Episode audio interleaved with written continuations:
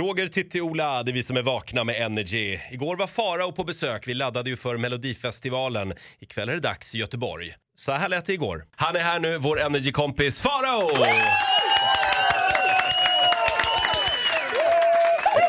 Hur, är läget? Jo tack, det är lite sådär. Jag berättade precis för tittare att jag är lite irriterad på mitt ex nu som ska börja ockra in massa grejer. Sådär som de gör. Vadå ockra? Nej men du vet, så saker som man typ inom citationstecken har fått eller glömt kvar i lägenheten. Ja. Två år senare. Du, den där hårtorken. Vet du, det där har jag varit med om också. Jag skiter i att svara. Gör det Men det? vänta Ja. lite nu, det är väl klart att man inte kan komma två år Nej. senare och säga du, den där grejen den vill jag ha tillbaka. Som att jag har lånat ut den till dig i två år. Det är inte så det funkar när ett förhållande slutar och det kan du bara upplysa om. Ge numret till Titti, be honom ringa Titti. Ja, Titti är en relationsexpert alltså. Du är faktiskt det. Det ska man ge dig. Jag blir Ja. i alla fall mycket sällan utnyttjad, så kan jag säga. Och jag blir jämt utnyttjad.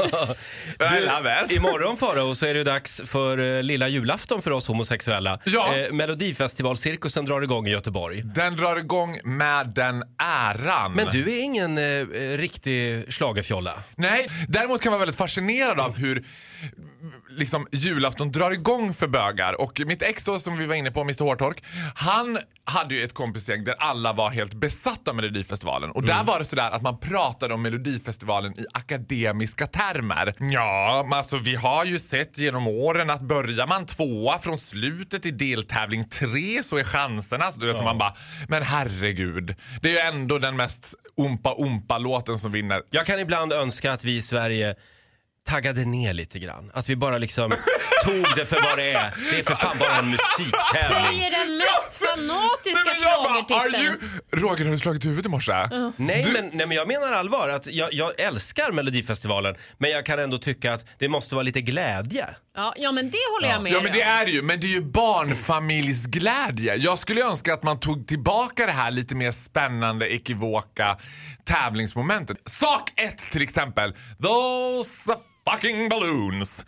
De där jäkla ballongerna. Ja. Plötsligt ser hela liksom, Löfbergs lila arena, hela Läkerol arena, hela Cloetta-centret ut som ett enda stort jäkla barnkalas. Ja. Men du vet Där alla sitter så här frenetiskt och vinkar med ballong och hoppas jag kanske är i rutan! Och så vet man att det har gått en sån där studieman innan och bara när ni hamnar i bild, sitt inte och vinka då för det ser himla tråkigt ut om vi har Sanna Nilsson där framme, presentera bidraget och så sitter du där och vinkar. Men vad ska de ha istället då? Om de inte ingenting. får ha ballonger? Nej men jag tänker att man skulle göra det lite mer mystiskt och spännande, att det inte behöver vara sådär Vad kan det vara? Ja, vad skulle det kunna vara? Som Det- är lite mystiskt. För jag råkar ha, även du Roger känner till det här, vi har lite insider på att det ser ut som att ballongerna inte är med i år. Nej. Ryktet säger att ballongerna är på väg bort. Skulle man kunna ha harskramlor då? Ja, Eller nästan- vu- vu- vuvuzela, eller vad där? V- Vuvuzela. Hela Globen får en vuvuzela. Det låter som en enda här jättestor mammut som skriker från Globen. ska bli väldigt spännande imorgon. Eh, Farao, sitt kvar. Vi har några eh, fler goda råd till SVT inför årets Mello alldeles strax. Det här är Vakna med Energy. Ett poddtips från Podplay. I fallen jag aldrig glömmer djupdyker Hasse Aro i arbetet bakom några av Sveriges mest uppseendeväckande brottsutredningar. Går vi in med hemlig telefonavlyssning och, och då upplever vi att vi får en total förändring av hans beteende. Vad är det som händer nu? Vem är det som läcker? Och så säger han att jag är kriminell, jag har varit kriminell i hela mitt liv men att mörda ett barn, där går min gräns. Nya säsongen av Fallen jag aldrig glömmer på Podplay.